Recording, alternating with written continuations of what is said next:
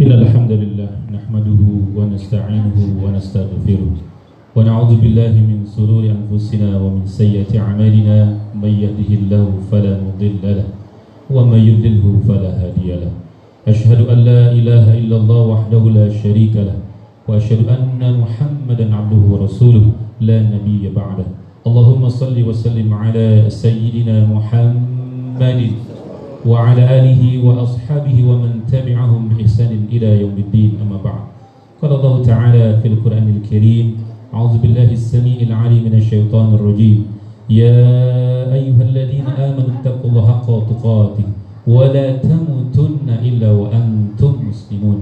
يا أيها الناس اتقوا ربكم الذي خلقكم من نفس واحدة وخلق منها زوجها وبث منهما رجالا كثيرا ونساء واتقوا الله الذي تساءلون به والأرحام.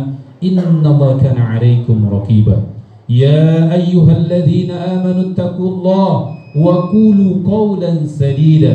يصلح لكم أعمالكم ويغفر لكم ذنوبكم. ومن يطع الله ورسوله فقد فاز فوزا عظيما. صدق الله العظيم. Ma'asyiral muslimin jamaah Jumat yang dirahmati Allah Subhanahu wa taala. Segala puja hanya milik Allah yang maha sempurna. Senantiasa kita memujinya, bersyukur atas segala karunia, rahmat, taufik, hidayahnya. Salawat dan salam semoga selalu tercurahkan keharibaan baginda Nabi besar Muhammad sallallahu alaihi wasallam beserta keluarganya, para sahabatnya dan seluruh pengikutnya yang istiqamah meneruskan risalahnya, mencintai dan melaksanakan sunnah-sunnahnya hingga akhir zaman. Mudah-mudahan kita termasuk orang-orang di dalamnya. Amin ya rabbal alamin. Al-Fakir berwasiat kepada diri sendiri dan seluruh jamaah yang hadir pada siang hari ini untuk selalu menjaga ketaatan, menjaga takwa kepada Allah Subhanahu wa taala. Takwa adalah selalu bersyukur atas segala nikmatnya dan tidak mengkufurinya. Takwa adalah selalu ingat Allah dan tidak melupakannya. Takwa dalam situasi apa pun, kondisi bagaimanapun, susahkah, orang ada kerjaankah, duit mungkin jarang nemu, serba kekurangan, maupun takwa dalam kondisi lapang, hati senang, kerjaan bagus, duit ada terus, semua tersedia, serba ada, dunia dalam genggamannya juga diperintahkan untuk bertakwa, melaksanakan perintah-perintahnya, menjauhi larangannya, terus istiqomah dalam takwa hingga wafat dalam keadaan husnul khatimah, membawa iman Islam menghadap Allah Subhanahu wa taala. Amin ya rabbal alamin. Ma'asyiral muslimin rahimakumullah. Hari-hari ini, bulan-bulan ini kita masih berada di bulan yang mendapatkan perhatian lebih yang mendapatkan perhatian spesial dari Allah dan Rasulnya. Kalau saya katakan adalah bulan-bulan ikatan cinta bulan yang mengikat ikatan cinta kita kepada Allah Subhanahu wa taala. Allahumma inni as'aluka hubbak wa hubba man yuhibbuk wa hubba kulli amalin yuqarribuna ila hubbik ya Allah jadikan kami orang-orang yang mencintaimu dan mencintai orang-orang yang mencintaimu dan mencintai amal perbuatan yang mendekatkan kami kepada cintamu. Dari Rajab Sya'ban Ramadan Syawal Zulqa'dah Zulhijjah sampai dengan Muharram adalah bulan-bulan yang penuh dengan keutamaan bulan ikatan cinta. Dimulai dari bulan Rajab salah satu dari empat bulan yang Allah sucikan minha arba'atun hurum. Inna idata syuhuri inda wasna syahran fi kitabillah. Yawma khalaqas samawati wal ard minha arba'atun hurum. Sesungguhnya Allah menciptakan bulan itu ada 12 bulan. Sebagaimana Allah menciptakan langit dan bumi di antara 12 bulan itu ada empat bulan yang Allah haramkan tiga bulan berturut-turut dan salah satunya adalah bulan Sa'ban yang bulan Rajab yang terpisah. Di bulan Rajab itu Allah pilih linuriyahu min ayatina. Allah memperlihatkan tanda-tanda kebesarannya dengan peristiwa Isra Mi'rajnya baginda Nabi besar Muhammad sallallahu alaihi wasallam untuk menerima perintah yang agung dari yang maha agung, menerima perintah yang penting dari yang maha penting, menerima perintah yang mulia dari yang maha mulia yaitu perintah salat. As-salatu imad duddin. Salat itu adalah tiang agama. Bagi yang mendirikan sholat berarti dia telah menegakkan agama ini. Tapi hati-hati bagi yang punya KTP Islam ngaku muslim tapi nggak pernah sholat hati-hati bahwa dia sedang meruntuhkan agama ini. Masyarakat muslimin rahimakumullah. Dari Rajab masuk ke bulan Sya'ban yang hari ini kita sudah separuh perjalanan di bulan Sya'ban bulan yang dihormati oleh Rasulullah SAW dari kesaksian para sahabat yaitu bulan yang paling banyak Rasulullah SAW melakukan puasa sunnah.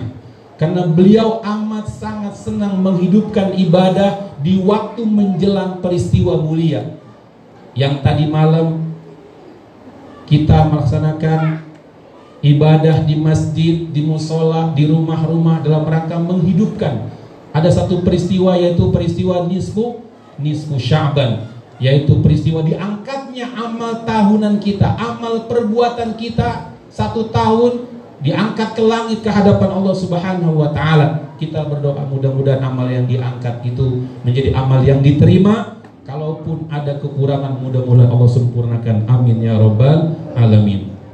Sya'ban artinya adalah mendaki. Karena setelah itu bulan Ramadan yang merupakan puncak dari segala bulan, puncak dari segala keutamaan, puncak dari segala kemuliaan dan kebaikan. Syahrun azimun, bulan yang sangat agung. Syahrun mubarakun, bulan yang penuh dengan keberkahan.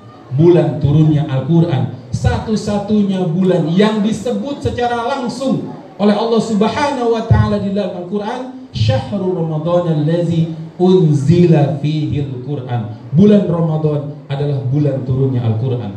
Setelah Ramadan ada bulan Syawal. Bulan untuk menyempurnakan puasa Ramadan kita menjadi pahala puasa satu tahun penuh dengan puasa sitah min sawal enam hari puasa di bulan Syawal Ramadan 30 hari ditambah 6 hari Sawal 36. Satu amal ibadah nilainya 10 kebaikan. 36 kali 10 360 hari dapat puas dapat puasa satu tahun penuh. Hadirin jemaah Jumat yang dirahmati Allah Subhanahu wa taala. Masuk setelah Syawal adalah Zulqa'dah, Zulhijjah dan Muharram yang tadi saya sebutkan tiga bulan haram berturut-turut yang disucikan Allah Subhanahu wa taala terkait pelaksanaan ibadah yang mulia yaitu ibadah haji dan ibadah kurban. Di bulan Zulhijjah, tanggal 9 Zulhijjah juga ada puasa Arafah yang juga utamanya luar biasa. Di bulan Muharram juga ada puasa 10 Muharram yaitu puasa Asyura. Pertanyaannya adalah kenapa di bulan-bulan yang diutamakan itu Allah Subhanahu wa taala memerintahkan kita untuk melakukan puasa. Kenapa Rasulullah SAW menganjurkan kita untuk berpuasa? Setiap tahun ada Ramadan, setiap bulan ada puasa Ayamul Bid 13, 14, 15 menjelang bulan purnama. Setiap pekan, setiap minggu ada puasa Senin Kamis. Kenapa Rasulullah banyak berpuasa? Karena puasa adalah ibadah yang cukup panjang waktunya dari terbit sampai terbenam matahari Puasa memiliki nilai yang begitu tinggi untuk menempa kedekatan kita kepada Allah Subhanahu wa taala, merasakan muraqabatullah, diawasi oleh Allah Subhanahu wa taala. Dengan puasa kecintaan kepada dunia, hubud dunia bisa ditekan, diminimalisir. Keinginan berbuat dosa bisa dihindari.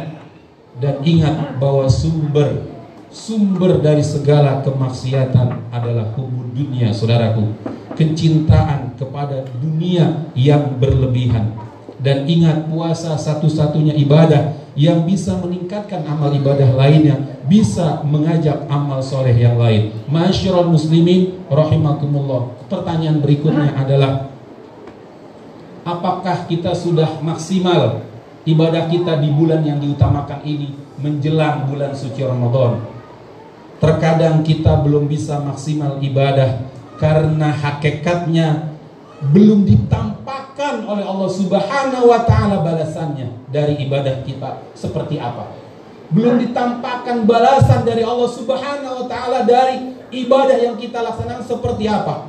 Kapan itu akan tampak balasannya? Saat kita menghadap Allah Subhanahu wa taala saat kita berada di alam barzah, di alam kubur, saat kita sudah tidak ada di dunia ini lagi. Ada sebuah pelajaran dari kisah seorang sahabat yang mungkin kurang populer kita dengar. Yang mungkin kurang terkenal kalau bahasa anak sekarang kurang viral, tapi kisahnya sangat masyur dan mungkin kita pernah mendengar kisah ini. Seorang sahabat bernama Sya'ban. Sya'ban mendapatkan tempat di hati Rasulullah walaupun tidak dikenal di kalangan para sahabat yang lainnya. Dia selalu hadir setiap waktu di masjid bersama Rasulullah melakukan sholat lima waktu. Dan menjadi ciri khasnya adalah Sya'ban ini selalu mendapatkan tempat di sop pertama pojok sebelah kanan. Sehingga sangat terkenal bahwa sab terdepan pojok sebelah kanan adalah milik Sya'ban setiap waktu dia melaksanakan sholat lima waktunya di masjid dan tempatnya adalah sab terbetan pojok sebelah kanan. Suatu ketika ketika sholat subuh berjamaah Rasulullah kemudian menertibkan barisan melihat ke kiri dan ke kanan melihat ke pojok sebelah kanan melihat ternyata di pojok kanan tidak ada syakban kemudian Rasulullah melihat lagi ke belakang tidak ada syakban sampai ke belakang barisan terakhir ternyata tidak ada Syaban juga. Akhirnya sholat subuh tempat terhenti dalam rangka untuk menunggu si Syaban mungkin sedang ketinggalan sholatnya. Sampai khawatir waktu subuhnya habis, akhirnya Rasulullah melaksanakan sholat subuh. Setelah sholat subuh, Rasul balik badan kemudian melihat ternyata Syaban belum ada. Kemudian tanya kepada para sahabat di mana Syaban tidak ada yang tahu. Apakah ada yang tahu rumahnya? Kemudian salah seorang sahabat mengatakan, saya tahu ya Rasul, antarkan saya ke tempat Syaban. Kemudian Rasul menuju ke rumah Syaban. Dan baru tahu Rasulullah rumahnya Syaban ternyata dari masjid sampai rumahnya dari habis subuh baru nyampe puncak waktu duha. Sampai dari masjid ke rumahnya baru sampai kira-kira mungkin sekitar jam 10-an. Ternyata rumahnya bukan ratusan kilometer tapi ratusan meter tapi kilometer ternyata jauh rumahnya dia harus menempuh 2-3 jam untuk sampai ke masjid dari rumahnya begitu sampai rumahnya diketuk ucapan salam Rasulullah yang keluar istrinya Rasulullah mengatakan di mana Saban kenapa dia pagi ini tidak melaksanakan sholat berjamaah denganku istrinya mengatakan ya Rasulullah bagaimana Syaban mau sholat hari ini dia telah dipanggil Allah Subhanahu wa taala Hari ini dia telah wafat, telah meninggal. Masya Allah. Tidak sholat berjamaah gara-gara sudah dipanggil Allah Subhanahu Wa Taala. Kemudian Rasul mendoakan dan hendak pergi. Kemudian istrinya mengatakan, Ya Rasulullah, boleh aku menanyakan sesuatu. Kenapa? Ketika Syaban tadi sakul sakul maut, ketika dijemput oleh malaikat keluar dari ucapan lisannya dan aku tidak tahu apa maksudnya ada tiga ucapan yang saban ketika menjelang sakaratul maut yang pertama Kenapa nggak lebih jauh? Yang kedua, kenapa? Yang pertama adalah kenapa nggak lebih jauh? Kemudian ya Allah, kenapa nggak yang baru? Kemudian yang ketiga, kenapa nggak semuanya? Aku tidak tahu apa maksud ucapan sabar ini menjelang sakaratul maut. Kemudian Rasulullah menyampaikan melalui dengan wahyunya. Kenapa tidak lebih jauh? Ternyata ketika menjelang sakaratul maut, ditampakkan oleh Allah Subhanahu wa taala balasan ketika Sa'ban berjalan dari rumahnya sampai menuju masjid untuk sholat berjamaah ditampakkan balasannya ditampakkan derajat surganya di sisi Allah Subhanahu wa taala dan dia mengatakan ya Allah inikah balasannya inikah surgaku ya Allah kenapa enggak lebih jauh kemudian yang kedua ada kenapa tidak yang baru ketika menjelang sakaratul maut ternyata pada suatu malam Allah tampakkan pada suatu malam yang dingin ketika dia hendak pergi ke masjid dalam suatu yang sangat dingin sekali dia memakai baju dua lapis. Yang satu baju baru di dalam, yang luar baju lama. Ketika dia berjalan, ada orang yang mau mati kedinginan. Kemudian apa? Dia keluarkan baju yang luar, baju yang lama, dia pakaikan pada orang yang mau mati kedinginan tersebut. Dia ajak ke masjid. Kemudian Allah tampakkan itu di hadapannya ketika menjelang satu maut. Ya Allah, inikah balasannya? Inikah derajat surga? Ya Allah, kalau begitu kenapa enggak yang baru ya Allah? Kemudian adalah yang tiga pertanyaan, kenapa tidak semuanya? Ternyata Allah tampakkan menjelang sakatul mautnya adalah ketika ada seorang yang kelaparan datang kepadanya, dia hendak dan sahabat sedang hendak makan sepotong roti dengan susu, kemudian dia berikan separuh dari roti dan susunya.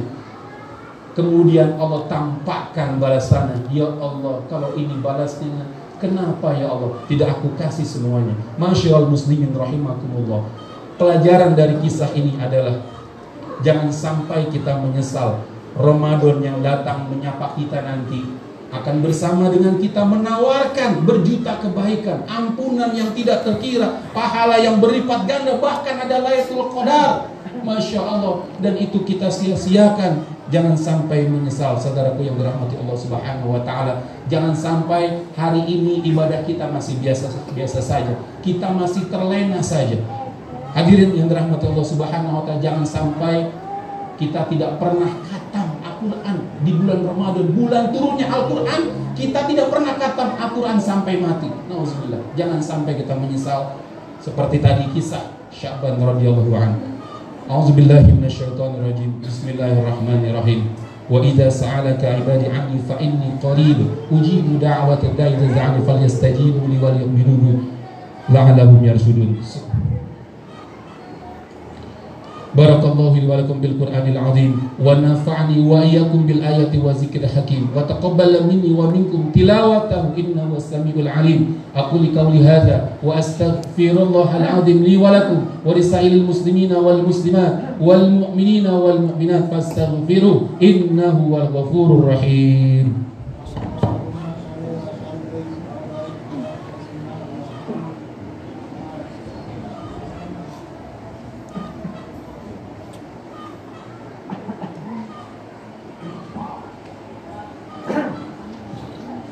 الحمد لله الحمد لله الذي أنزل السكينة في قلوب المؤمنين ليزدادوا إيمانا مع إيمانهم. أشهد أن لا إله إلا الله وحده لا شريك له وأشهد أن محمدا عبده ورسوله نبي بعده اللهم صل على سيدنا وحبيبنا وشفينا مولانا محمد وعلى آله وصحبه أجمعين. أما بعد فيا عباد الله اتقوا الله حق تقاته ولا تموتن illa wa antum muslimun. Wahai orang-orang yang beriman bertakwalah kepada Allah Subhanahu wa taala. Bertakwalah kepada Allah Subhanahu wa taala. Dan jangan sekali-kali kita berani meninggalkan muka bumi ini dalam keadaan tidak bertakwa أعوذ بالله من الشيطان الرجيم. إن الله وملائكته يصلون على النبي. يا أيها الذين آمنوا صلوا عليه وسلموا تسليما. اللهم صل على سيدنا محمد وعلى آل سيدنا محمد. كما صليت على سيدنا إبراهيم وعلى آل سيدنا إبراهيم. وبارك على سيدنا محمد وعلى آل سيدنا محمد. كما باركت على سيدنا إبراهيم وعلى آل سيدنا إبراهيم في العالمين إنك حميد مجيد. اللهم اغفر للمؤمنين والمؤمنات والمسلمين والمسلمات الأحياء منهم والأموات برحمتك يا أرحم الراحمين. ربنا اغفر لنا ولولإخواننا الذين سبقونا بالإيمان ولا تجعل في قلوبنا غلا للذين آمنوا. إنك ربنا إنك رؤوف رحيم. ربنا لا تزغ قلوبنا بعد إذ هديتنا وهب لنا من لدنك رحمة إنك أنت الوهاب. ربنا لا تؤاخذنا إن نسينا وطعنا ربنا ولا تحمل علينا إصرا كما حملته على الذين من قبلنا. ربنا ولا تحملنا ما لا طاقة لنا به. واعف عنا واغفر لنا. وارحمنا أنت مولانا فانصرنا على القوم الكافرين. فانصرنا على القوم المشركين. فانصرنا على القوم المنافقين. اللهم بارك لنا في شعبان وبلغنا رمضان وبلغنا رمضان وبلغنا رمضان. ربنا آتنا في الدنيا حسنة وفي الآخرة حسنة وقنا عذاب النار عباد الله.